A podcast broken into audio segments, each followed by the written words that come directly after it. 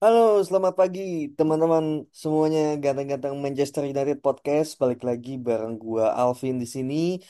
Ini gua take langsung abis match MU lawan Bayern Munchen di Rabu pagi. Sekarang jam 5 pagi dan ya gimana ya? hasil yang memang sudah ditebak ya, maksudnya adalah hasil akhir. Terlepas dari kita menang, ternyata memang Copenhagen menang juga. Jadi bakal jadi kemenangan yang useless pada akhirnya gitu. Kita bakal cuma mungkin kalau kita menang ya, kita malah bakal masuk ke Europa League gitu. Jadi satu sisi gue merasa ini in overall ya kayak ini udah keinginan gue dari awal gitu dan pasti banyak keinginan fans juga yang menginginkan bahwa kita lebih baik nggak lolos sama sekali ranking 4 daripada ranking 3 gitu masuk Europa League yang bikin jadwal makin padat gak cuma makin padat ya tapi harinya gitu. Europa League itu kan mainnya di Jumat pagi. Sedangkan kita em Muslim bakal main kalau misalnya main abis Jum- di Jumat ya bakal main itu di hari Minggu atau Senin gitu. Senin ya udah nggak enak banget gitu loh. Dan bakal jarang kemungkinan di hari Minggu. Itu kan udah bikin capek banget. Dan ya itulah pertandingan juga makin banyak, masih ada FA Cup juga. Jadi Europa League menurut gua kayak ya itu cuma buang-buang pertandingan doang menurut gua, buang-buang stamina, buang-buang energi doang gitu. Tapi oke lah, gua mau mulai dari mungkin sedikit ya dari line up yang mengagetkan ternyata Varane bermain gitu. Dan yang lebih mengagetkannya lagi, ternyata Varane bermain di back tengah kiri gitu. Satu hal yang mungkin kita rasa agak aneh ya. Ten Hag bilang bahwa Varane ini nggak dimainkan karena tactical reason.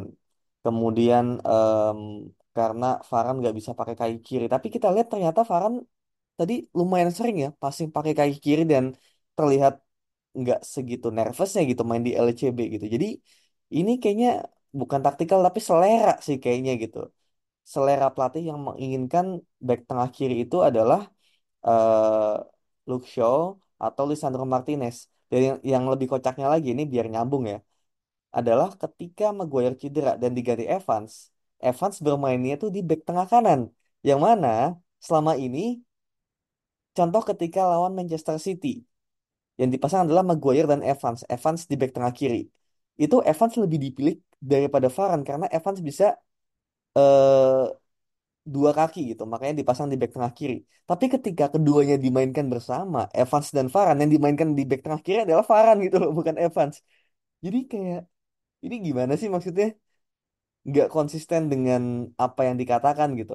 I mean, kalau misalnya mau konsisten dengan apa yang dikatakan selama ini, harusnya ketika Maguire ditarik, yang dimainkan di kanan adalah Varane yang dan yang di kiri adalah Evans gitu. Tapi enggak, ternyata Varane yang tetap main di kiri. Jadi kayak apa alasan selama ini sebenarnya tidak memainkan Varane gitu. Nah, ini yang bikin gue bertanya-tanya dan sepertinya memang satu kebugaran dan kedua memang match fitness aja gitu. Dan menurut gue Ten Hag agak berbohong ya ke media. Dan dia nggak mau bikin another eh, pertikaian dengan para pemain. Udah kemarin sama siapa? Ronaldo, sama Sancho, sama De Gea, kemudian sempat sama Casemiro juga, dan sekarang apa? Iya dia mau ribut juga sama Varane gitu, yang mana adalah pemain eh, senior ya, yang dihormati di ruang ganti. Jadi kayak dibilang taktikal itu adalah alasan paling aman gitu. Jadi di sini sebenarnya sih kayak gua nggak lagi menyalahkan 100% Ten Hag ya. Maksudnya masalah Varane ini cuma lucu aja gitu ngelihat itu kayak lucu. Tapi kayak oh ya udah memang kalau selera mah itu udah susah ya. Cuma pada akhirnya sekarang ditunjukkan kalau ternyata Varane tidak sejelek itu kok main di back tengah kiri gitu. Jadi semoga ini juga bisa menjadi insight baru dan juga kayak oh ya udah nextnya let's say lawan Liverpool itu Varane bisa dimainkan di sana gitu. Kemudian yang mengagetkan lagi adalah tidak adanya Kobe, itu nggak kaget ya, tidak adanya Kobe Mainu gitu. Itu tidak mengagetkan dan ternyata benar Rashford Martial tidak masuk skuad sama sekali karena sakit gitu. Jadi mengagetkan sebenarnya cuma Varane aja. Sama mungkin Dalot Wan Bisaka ya, yang mana kita menyangka Wan Bisaka yang akan bermain tapi ternyata Dalot yang bermain di sana gitu. Dan ketika pertandingan dimulai sebenarnya eh ini berbeda dengan apa yang gua prediksi ya. Ternyata Bayern yang lebih memegang pertandingan gitu. Jadi anggapan kita bahwa Bayern bakal melepas pertandingan ini ternyata em, terjadi karena ternyata mereka mainnya juga santai, tapi yang tidak terjadi adalah line up yang diturunkan tetap sama gitu. Cuma memang dari sisi permainan Bayern ini ah, gigi satu lah menurut gue ya, literally gigi satu nyantai, em, nggak terlalu agresif, tapi compact bermainnya gitu loh, compact dan juga disiplin. Jadi meskipun mereka nggak gerasa kerusuk, nggak lagi yang high intense, tapi mereka compact dan disiplin. Sedangkan MU menurut gua kita bermain lebih aman gitu. Jadi mungkin pendekatan Ten Hag adalah daripada kita bermain terlalu ambil resiko, tapi resiko kebobolannya gede yang bikin pertandingan udah selesai duluan ya. Karena mentality kita terlanjur jatuh, mending kita eh, bermain lebih aman. Bermain lebih aman sambil mencoba mencari peluang dari counter pressing gitu. Iya, sebenarnya nggak terlalu berjalan ya, karena ternyata yang bermain adalah Manuel Neuer gitu, bukan Ulreich. Itu yang menurut gue juga bikin makin sulit. Neuer ini bagus banget dari sisi build up-nya. Kayak, ya dia nganggur lah menurut gue dari tadi. Kayak build up build up gampang, pressing Emi juga nggak terlalu apa ya, nggak terlalu menyulitkan lah kasarnya gitu. Jadinya menurut gua ya kita nggak dapat peluang samsak gitu dan ini juga diperparah dengan keputusan Ten Hag, Ten Hag di ya beberapa bulan belakangan ya yang tetap memainkan Scott McTominay sebagai pemain paling depan di gelandang dan memilih Bruno Fernandes untuk bermain lebih turun ke belakang gitu. Tadi pun Bruno Fernandes menurut gue juga nggak lagi sejelek itu ya ketika dia mencoba bermain lebih dalam, lebih deep. Tapi masalahnya ketika bola lebih sa- bola bisa berhasil sampai ke depan, nah itu nggak ada yang supply. Kita kekurangan kreativitas. Kenapa? Ya karena Scott McTominay ada di sana gitu. Scott McTominay jadi kayak penyerang. Jadi kayak seolah tuh kita bermain dengan empat empat dua. Scott McTominay dan Højlund jadi kayak sejajar gitu untuk iya mendapatkan umpan gitu loh. Bruno ini yang harus cover area luas banget. Gelandang iya, gelandang tengah yang deep iya, gelandang serang juga kalau bisa gitu. Kemudian di sayap-sayap juga gitu. Jadi, jadi tugasnya terlalu berat menurut gue gitu. Hanya untuk mengakomodir Scott McTominay yang memang ada pertandingan-pertandingan di mana dia sangat efektif gitu. Tapi banyak juga pertandingan di mana dia juga do nothing gitu loh dalam proses terjadinya gol gitu. Jadi memang Iya, ini concerning sih gitu. Masalah taktikal ini. Bruno terbaiknya adalah ya di AM gitu. Di sepertiga akhir lapangan membuat peluang, membuat kipas gitu. Sebenarnya kalau misalnya Bruno bermain lebih deep, tapi pemain nomor 10-nya yang lebih ke depan itu adalah let's say pemain yang lebih kreatif, misalnya Kobbie Mainoo atau Mason Mount atau Erikson, gue masih oke gitu karena mereka bisa membantu menciptakan peluang. Tapi ini Scott McTominay yang dia dia nggak terlibat apa-apa dalam menciptakan peluang gitu. Dia menunggu sama kayak Højlund gitu. Jadi buat apa kita memasang dua pemain yang bisa mencetak gol tapi nggak ada yang ngasih bola ke mereka juga gitu loh. Itu adalah dari sisi logika aja udah nggak nyambung gitu. Mending lu pasang satu penyerang tapi ada yang supply daripada lu pasang dua penyerang untuk cetak gol tapi nggak ada yang supply gitu. Itu itu logical apa ya yang sederhana lah menurut gue ya. Mungkin di atas kertas ya itu kan sederhana banget ya eh, pola pemikiran seperti itu. Jadi gua harap banget ini segera diubah gitu. Ten Hag harus sadar bahwa Scott McTominay ini memang offers nothing gitu daripada gol yang ya satu dua tiga pertandingan mungkin ada. Tapi di samping itu dia nggak menghasilkan apa-apa gitu loh. Malah menyebabkan damage yang lebih besar dalam permainan gitu. Itu satu hal lain ya yang gua rasa di pertandingan ini lawan Bayern itu MU menciptakan cuma satu peluang ya, satu on target. Dan itu cuma dari Luke Shaw, tendangan dari luar kotak penalti, expected goals kita cuma 0,37, 0,5 aja enggak. Bayern itu 1,3 kalau nggak salah. Peluangnya cukup banyak tadi ya. Gitu. Itu highlight babak pertama ya. Sampai babak kedua itu gue lupa ya. Maguire tuh cedera menit berapa gitu. Cuma ya itulah momen di mana Maguire pegangin groinnya dia diganti Evans dan ya tadi gue bilang ya Evans bermainnya di back tengah kanan.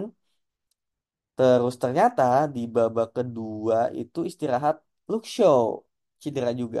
Aduh, Luxio cedera diganti Wan Bisaka, Dalot di kiri gitu. Dan mungkin banyak, banyak yang mempertanyakan ya kayak kenapa nggak nggak siapa Reguilon gitu yang bermain di kiri, kemudian Wan, Bisaka di kanan. Iya, itu jadi opsi juga gitu. Cuma em, ini kita harus objektif juga ya gitu kayak Dalot itu adalah pemain yang paling bisa untuk melakukan eh, apa ya namanya ya, invert gitu loh. Invert masuk ke dalam. Masuk ke dalam artinya apa? Dia membantu gelandang yaitu Amrabat dalam satu build up dan kedua ketika diserang membentuk rest defense gitu. Jadi ke- ketika kita menyerang itu ada yang ngebantu Amrabat gitu. Jadi ini tuh semacam mirip sama kayak role-nya Zinchenko di Arsenal. Kan contohnya di Arsenal ya, mainnya 4-3-3. Gelandangnya tiga. Ada Rice jadi DM sendirian, 2 AM. Odegaard dan juga Kai Havertz. Odegaard dan Kai Havertz ini kan maju banget pasti. Declan sendirian. Kalau Declan sendirian, itu kalau diserang itu bisa mampus. Makanya Zinchenko nemenin. Zinchenko masuk ke dalam, nemenin si siapa namanya eh Declan Rice gitu. Dan Dalot itu adalah pemain yang bisa ngelakuin itu. Secara natural dia bisa melakukan itu gitu. Jadi kita bisa outnumber gelandang-gelandang lawan gitu.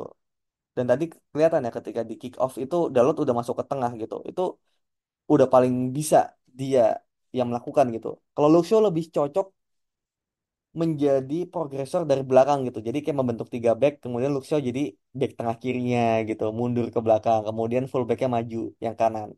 Jadi memang eh, Luxio lebih bagus menjadi satu dari tiga back tengah yang build up gitu loh. Dalot lebih bagus untuk invert. Kawan Bisaka gua rasa dia lebih bagus untuk menyerang gitu loh. Eh, sebagai attacking fullback gitu karena dia build up-nya nggak terlalu bagus menurut gua. Tapi crossing dan cutback-nya lumayan ya. Gitu. Jadi menurut gua itu alasan kenapa Dalot lebih dipilih gitu untuk memainkan back tengah kiri. Sedangkan Reguilon juga lebih cocok menjadi attacking fullback seperti Wan Bisaka gitu. Jadi kalau kita menggunakan dua attacking fullback, let's say Wan Bisaka di kanan dan juga Reguilon di kiri, maju dua-duanya ke depan, Amrabat bakal terisolasi sendirian di tengah gitu. Dan itu nggak bagus sama sekali gitu. Itu di atas kertas ya gitu. Itu di atas kertas seperti itu tactical reasonnya gitu. Jadi gue sangat memahami kenapa Dalot yang lebih dipilih gitu. Nah kemudian akhirnya masuk ke babak kedua kita juga em, masih gitu-gitu aja sebenarnya gitu. Menunggu adanya opportunity ya dari skema eh, dari skema counter press dan build up sampai akhirnya ada momen di mana kita kecolongan satu gol dari Kingsley Coman. Di mana itu ya menurut gua ini gol yang cheap ya gitu. Tapi memang menunjukkan quality dari para pemain Bayern juga. Yang mana yang pertama Amrabat eh, berusaha duel tapi bolanya kalah ya. Maksudnya akhirnya menjadi bola liar dan diambil lagi sama Munchen. Scott McTominay juga diem di sana. Mungkin eh, apa ya kaget bolanya ternyata balik ke Munchen lagi nah ini puncak salahnya di sini. Ketika pemain ini pegang bola gue lupa maybe Musiala itu Johnny Evans melakukan sebuah attempts gitu loh untuk merebut bola. Nah attempts dari Evans itu menyebabkan lobang di belakang meninggalkan lobang di tempat yang dia tinggalkan gitu. Dan tempat yang dia tinggalkan yang Evans tinggalkan itu diisi sama Kingsley Coman gitu nah sayangnya ketika Evans berusaha attempts membuang bola bolanya nggak dapat gitu. Diumpan akhirnya ke Harry Kane yang mana dijaga sama Dalot. Dan Harry Kane itu wall passnya memang keren banget gitu. Dan itulah alasan Harry Kane didatangkan ya. Memang dia complete player nggak cuma sebagai goal scorer tapi dia juga bisa assist dengan wall pass semacam itu. Dengan mudahnya lah dikasih bola ke Harry Kane Kane wall pass kepada Coman yang mana masuk ke dalam lobang yang ditinggalkan sama Evans yang udah telat buat balik lagi gitu dan ya udah udah space terlalu besar, udah one on one Coman dan Onana terlalu dekat ya, nothing you can do gitu. Baik yang bilang kayak itu Onana harusnya maju gitu. untuk eh, menutup ruangnya Koman gitu. Ya gue sih ada setujunya juga gitu kayak kiper at least jangan pasrah gitu. Cuma kayak ya itu 90% men itu udah 90% gol. Dan kalaupun Onana maju gitu kayak iya itu miracle yang bisa menghentikan itu gitu loh atau kebodohan dari Koman gitu. Jadi menurut gue yang lebih harus disalahkan adalah ya gue nggak lagi nyalain Evansnya ya gitu kan tapi lebih kepada struktur pertahanan di mana kalau Evans maju harusnya dia juga berkomunikasi dengan Varane Varane menutup gitu loh karena itu tugasnya Varane harusnya buat attempts bolanya Evans itu gitu itu bolanya Varane tapi Evans memilih untuk ah udahlah gua aja gitu harusnya ketika Evans memilih kayak gitu Varane cover uang yang ditinggalkan oleh Evans gitu jadi ini memang komunikasi gitu loh dan kecocokan bermain dan saling paham satu sama lain gitu. Jadi mungkin emang Evans dan Varane ini kan jarang bermain ya, jadi koneksinya belum terbangun. Ya inilah, inilah gitu, miskomunikasi yang terjadi akhirnya seperti ini. Dan dari situ ya udah udah makin sulit. Ditambah Copenhagen ternyata unggul satu nol dari Bayern Munchen. Jadi ya ya udah makin sulit. Bayern juga makin nyantai, tapi tetap compact dan disiplin. Kita nggak dapet apa-apa gitu. Kita cuma bisa progresi, cuma bisa sampai sepertiga, kemudian bola hilang ya. Kita sering banget bola hilang gitu di Garnacho terutama ya. Gitu kayak Garnacho juga eh, ya ya ya dia butuh butuh support lah gitu dan juga belum terlalu matang lah ya menurut gue untuk bermain selalu bermain di level tertinggi gitu. Cuma sayangnya gantinya Rashford yang lagi jelek juga jadi ya nggak punya pilihan. Højlund bekerja keras tapi ya ya apa ya dia nggak bisa sendirian lah menurut gue gitu. Dia banyak duel juga dan udah kecapean ya menit 80-an gitu sampai akhirnya di menit 75-an kita narik Garnacho Anthony masukin Hannibal dan eh, siapa ya gue lupa eh, Pelistri ya nggak banyak berubah sih lebih kepada ya fresh leg aja untuk mengistirahatkan Garnacho dan Anthony menurut gue dan Mainu akhirnya baru masuk di menit eh, 80 gantiin Varane gitu. Mungkin Varane juga belum bisa 90 menit gitu. Amrabat jadi back tengah. Dan Mainu yang bermain cuma 10-15 menit kelihatan beda ya. Bagaimana ada seorang gelandang yang bisa pegang bola tenang punya composure bisa memberikan passing dalam posisi sulit dan ini harusnya menjadi insight gitu bagi Ten Hag bahwa ini ada loh pemain yang lebih pantas bermain di lini tengah MU gitu loh. Kita nggak bisa main oportunis terus mengandalkan Scott McTominay untuk cetak gol terus gitu. Nggak bisa men. Harusnya Amrabat sama Mainu tuh udah menjadi pivot. Bruno lebih ke depan. Udah itu adalah hal yang hal yang simple untuk dilakukan menurut gue gitu loh.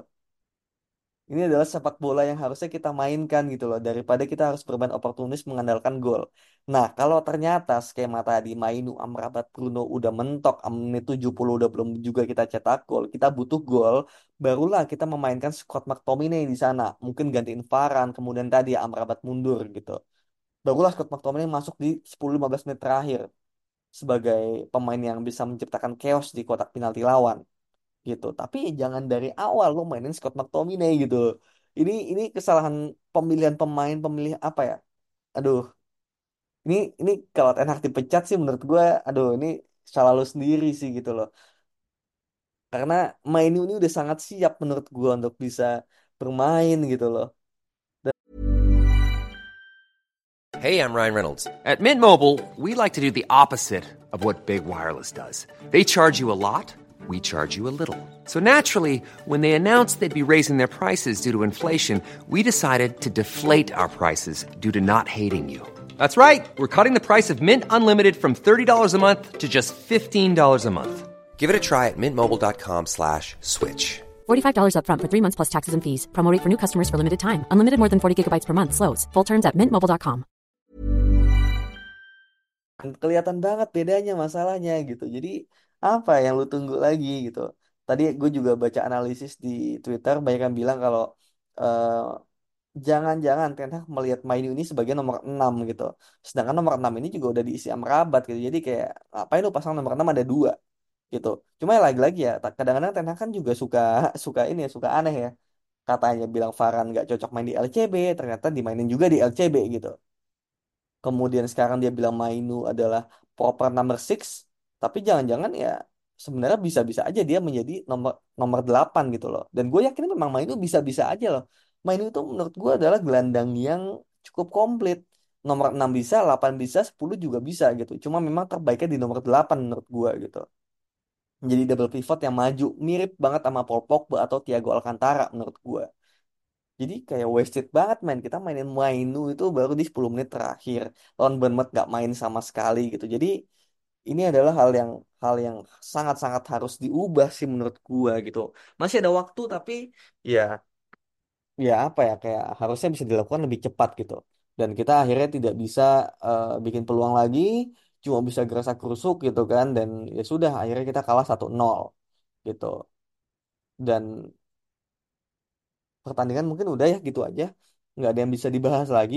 Cuma kalau misalnya gue bisa recap ya mungkin yang terakhir gue recap perjalanan kita di Liga Champions musim ini. Gue yakin banget pasti hampir semua dari kalian tuh kecewa berat kemudian menyalahkan maybe ya menyalahkan Ten Hag gitu kan menyalahkan Onana juga gitu. Dan gue sih nggak lagi apa ya, against kalian ya nggak lagi melawan argumen kalian ya karena memang banyak juga keputusan Ten Hag yang salah blunder Onana juga terlalu banyak di fase grup ini gitu. Cuma kita menurut gue ya harus melihat dalam larger picture gitu loh, dalam eh, kacamata yang lebih besar lagi apa sebenarnya menyebabkan kegagalan gitu. Terlepas dari ya Ten Hag salah, pemain salah, Onana juga salah gitu loh. Tapi bukan cuma mereka yang salah gitu loh. Jadi banyak faktor yang bikin kita akhirnya ranking 4 gitu. Memang memang hasil kita jelek banget gitu, tapi banyak sebenarnya yang bisa kita ambil gitu loh. Rather than kita cuma bisa langsung jump into the conclusion bahwa kita ranking 4 gitu. Contohnya adalah ya yang bikin kita nggak lolos bukan pertandingan ini men sebenarnya, tapi pertandingan di mana kita harusnya bisa menang di Copenhagen, kita harusnya bisa menang di Galatasaray. Itu itu poinnya gitu loh. Itu salah satu poin di mana kita harusnya bisa dapat poin dari sana. Tadi Ferdinand bilang, kita away, tiga away match, kita bisa cetak tiga gol, tapi kita cuma bisa dapat satu poin, itu adalah kriminal gitu loh. Ini adalah sebuah kesalahan. Lawan Bayern, lu kalah 4-3. Lu kalah. Lawan Copenhagen, kalah 4-3. Lawan Galatasaray, kita 3-3. Satu poin doang men yang kita dapat. Padahal kita cetak 9 gol gitu loh. Gol kita lebih banyak di mana? Di away. Di home kita cuma bisa cetak 3 gol. Tapi kita bisa cetak 9 gol di away gitu. Tapi kebobolan kita lebih banyak lagi gitu. Dan kita bahkan nggak bisa menang. Itu poin pertama di mana beberapa pertandingan tuh kita gagal mendapatkan kemenangan yang harusnya bisa lebih mudah. Lawan Copenhagen, ya kita tahu sendiri, udah 2-0. Rashford kartu merah. Sedangkan tadi Anthony melakukan hal yang sama. Anthony melakukan hal yang sama seperti Rashford lakukan, tapi cuma kuning gitu. Jadi ini lagi-lagi ya, inkonsistensi dari ofisial pertandingan itu juga mempengaruhi. Tapi ya bukan satu-satunya gitu kayak tetap aja kita 10 pemain bukan berarti kita tiba-tiba jadi anjlok gitu loh pertahanannya. Langsung kebobolan dua gol lawan Copenhagen gitu. Disamakan dua-dua. Akhirnya kita kalah. Padahal kalau kita satu poin mungkin juga bakal lebih mudah ya untuk perjalanan kita selanjutnya. Tapi ujung-ujungnya kita kalah gitu. empat tiga dari Copenhagen yang mana kita juga sebenarnya udah unggul ya tiga dua lewat penalti itu Wow, udah mantep banget sebenarnya. Tapi akhirnya kita kebobolan karena set piece, kemudian karena blunder Varane juga kayak ya elah lagi-lagi kebobolannya cheap goals gitu loh. Itu lawan Copenhagen harusnya kita menang tapi kita kalah. Dan yang lebih konyol lagi ya lawan Galatasaray. Itu kita juga udah menang dua nol, tapi dengan bodohnya gitu kita lepas gitu karena ya pada saat itu Onana blunder dua kali malah mungkin tiga ya gitu. Tiga gol yang harusnya bisa di prevent dan juga ketidakmampuan kita buat klinis di depan gawang. Pelistri lah Scott McTominay lah Bruno lah. Siapa lagi? Anthony Martial. Kita seri tiga tiga lawan Galatasaray di mana kita harusnya bisa menang. Jadi andai kita bisa menang di dua match itu gitu. Pertandingan Bayern ini udah nggak akan menjadi konser lagi gitu loh. Jadi itu gitu. Jadi kayak jangan kita cuma melihat pertandingan lawan Bayern doang atau pertandingan kita kalah lawan Bayern. Tapi kita lihat posisi di mana kita harusnya bisa menang, tapi cheap gitu. Cheap goals yang kita berikan kepada lawan. Berarti kan sebenarnya kita dalam aspek menyerang udah bagus, bertahan juga sebenarnya udah bagus, tapi individual mistake dan juga mungkin ketidakberuntungan itu yang membuat kita juga nggak mampu buat lolos gitu loh. Jadi ketika banyak yang bilang kalau eh, MU tidak pantas memang buat lolos, ya gue berlebihan ya narasi seperti itu. Ya. Memang kita eh sekarang memang tidak lolos, tapi bukan berarti kita benar-benar setidak pantas itu buat lolos gitu loh. Itu menurut gue hanyalah sebuah ungkapan kekecewaan atas kita nggak lolos dari ranking 4 dan merasa adalah ini hal yang sangat memalukan gitu. Oke, ini memang memalukan, tapi itu adalah kalimat yang terlalu dibesar-besarkan menurut gue. Ya wajar lu kecewa gitu, tapi lu jangan melupakan gitu dengan apa yang udah bisa kita lakukan gitu dalam pertandingan-pertandingan di mana kita harusnya bisa menang. Meskipun kita result base kita nggak menang, tapi ada proses di sana. Akuilah, akuilah bahwa lawan Copenhagen away, Galatasaray away kita tuh main bagus. Itu coba akui, kita mainnya bagus. Bahkan lawan Bayern away, gue nggak bilang MU main sejelek itu gitu. Tapi individual mistake, Onana blunder, kemudian eh Eriksen handball, gol ketiga juga Lindelof itu juga miss marking si Matthias Tel. Jadi kalau kita lihat benar-benar detail, kita bedah detail gitu, kita tuh sebenarnya main tuh nggak sejelek itu main gitu loh. Terutama away match gitu. Ini aneh ya di, di di liga kita away jelek tapi di Liga Champions kita away malah lebih bagus seolah ya daripada home-nya. Bahkan Højlund juga bisa cetak 5 gol. Jadi sebenarnya buat gua secara hasil memang kita kalah. Secara hasil kita ranking 4. Secara hasil kita dipermalukan di bawah Galatasaray, di bawah Copenhagen gitu. Kita bakal dibully abis-abisan tapi come on gitu. Kalau kita mau menjadi fans yang lebih smart, fans yang lebih pintar lagi, fans yang lebih kritis lagi, menurut gua ya meskipun nggak gua gua tidak memaksa kalian harus setuju sama gue ini pandangan gue pribadi. Kalian mau mau beda pandangan sama gua nggak masalah gitu. Tapi gue cuma mau share bahwa nggak kok nggak sejelek jelek tapi nggak lagi yang kita benar-benar jelek banget gitu nggak. Nggak totally kita tuh separah itu kita bisa main bagus kok gitu. Cuma memang kita belum konsisten 90 menit gitu. 60 menit 70 menit kita main bagus sisanya mungkin kita nggak fokus individual mistake. Dan juga mungkin ya memang ada kesalahan Ten Hag juga yang taktikal seperti ini. Cuma gue juga bisa memahami tekanan Ten Hag juga. Apa ya kayak kita ya fans ya seperti kayak seperti kita inilah yang menginginkan bahwa lu harus instan lu nggak punya banyak waktu untuk bisa sukses di MU ya Ten dikasih pressure seperti itu ya pada akhirnya memilih result base memainkan squad pemain aja lah gitu yang bisa garansi gol kasarnya gitu. Karena ya kalian para fans juga menginginkan itu. Mungkin gua dan segelintir fans lainnya bisa memaklumi gitu loh bahwa memang proses lebih lama. Bahwa masalah MU ini nggak cuma sekedar pelatih atau pemain gitu tapi lebih besar lagi daripada itu yang mana gue bisa kasih Ten Hag kali ini sebenarnya 3 sampai 4 musim gitu untuk bisa mengubah MU gitu. Tapi pak kalian gitu para fans di luar sana juga pandit-pandit juga gitu mungkin ya merasa satu setengah musim udah cukup dua musim udah cukup. Itulah bedanya. Pressure, tekanan media, tekanan fans, tekanan pandit, tekanan dari para eh, ex pemain MU itu juga membuat pelatih nggak bisa tenang dalam memilih keputusan gitu loh. Karena juga setiap keputusan mereka ambil pada akhirnya menjadi bahan untuk dikritik selalu gitu.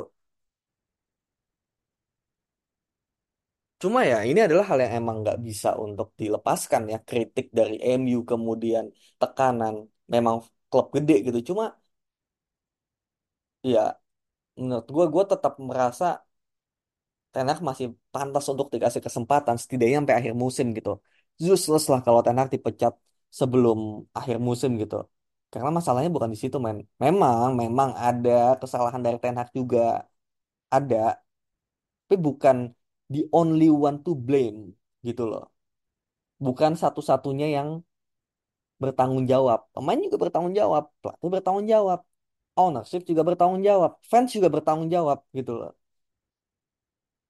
Jadi porsinya tuh sama menurut gua gitu. Kayak pelatih ini selalu menjadi scapegoat menurut gua, selalu menjadi kambing hitam atas segala kegagalan MU gitu loh.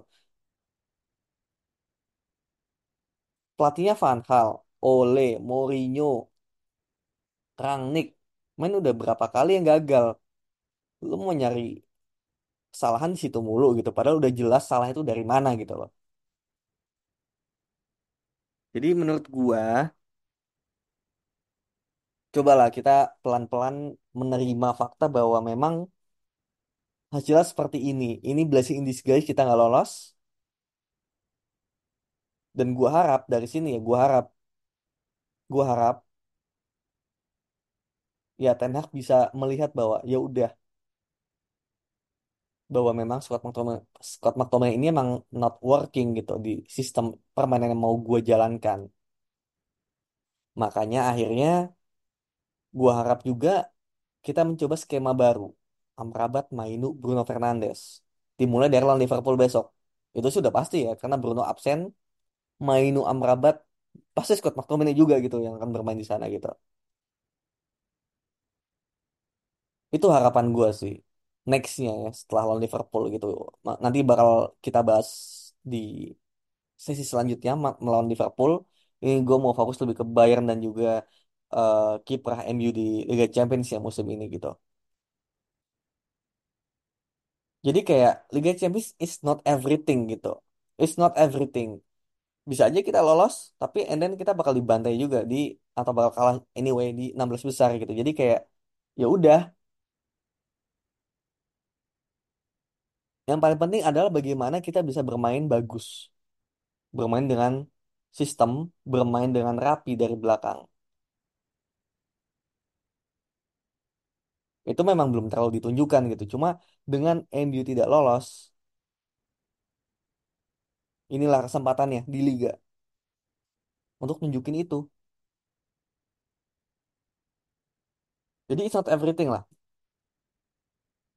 Bukan end of the world kalau kita nggak lolos Liga Champions, nggak lolos di fase grup ya maksudnya.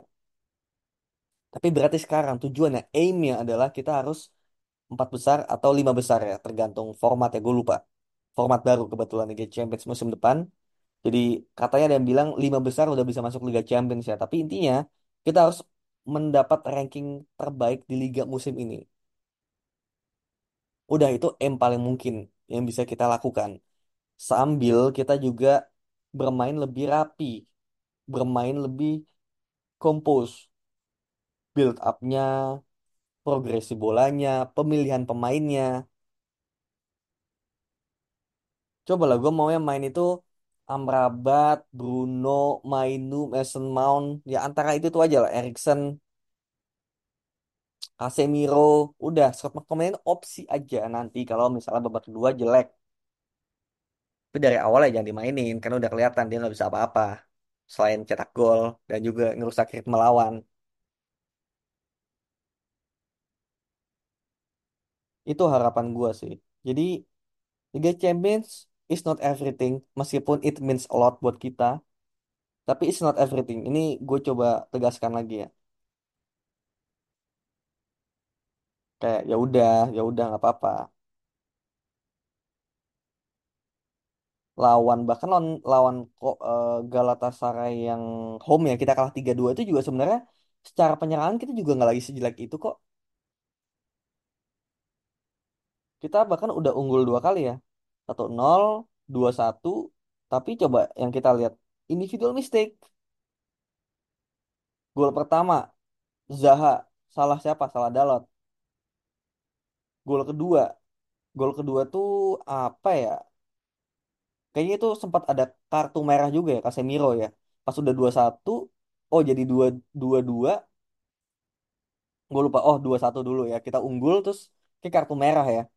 penalti gagal. Oh enggak enggak enggak, sorry sorry. Sorry sorry. Eh dua satu abis itu kebobolan ya lewat ini eh, cutback ya. Si nomor 7 itu Arthur Koglu kalau nggak salah. Yang mana pokoknya ada eh, Amrabat lah pokoknya salah atau apa gitu. Pokoknya setelah nutup akhirnya kosong gitu dia dapat ruang.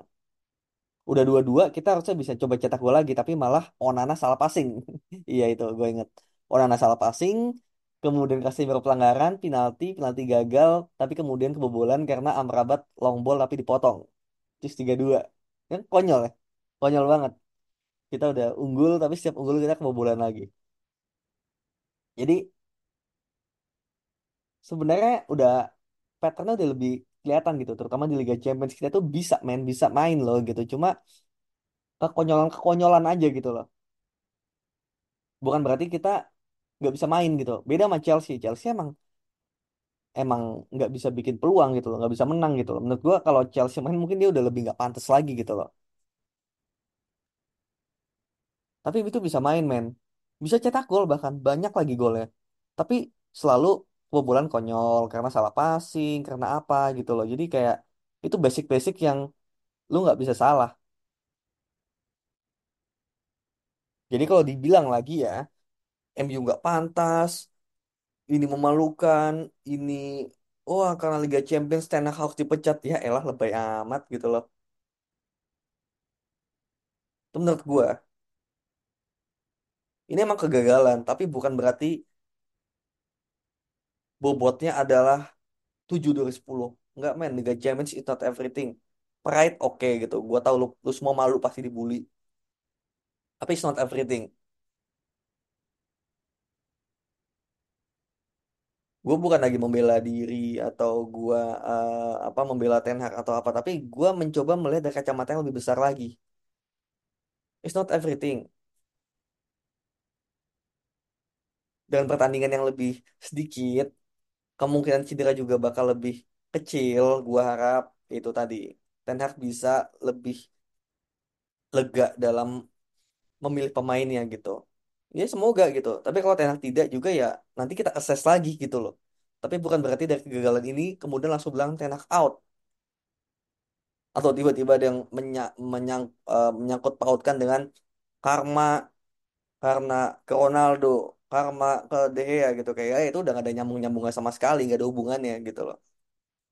Kita sebagai fans harus lebih smart dan tidak terlalu sentimental dengan hal-hal seperti itu. Itu udah benar semua kok keputusannya.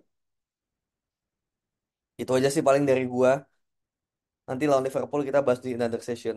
Oke, thank you teman-teman semua. Bye-bye.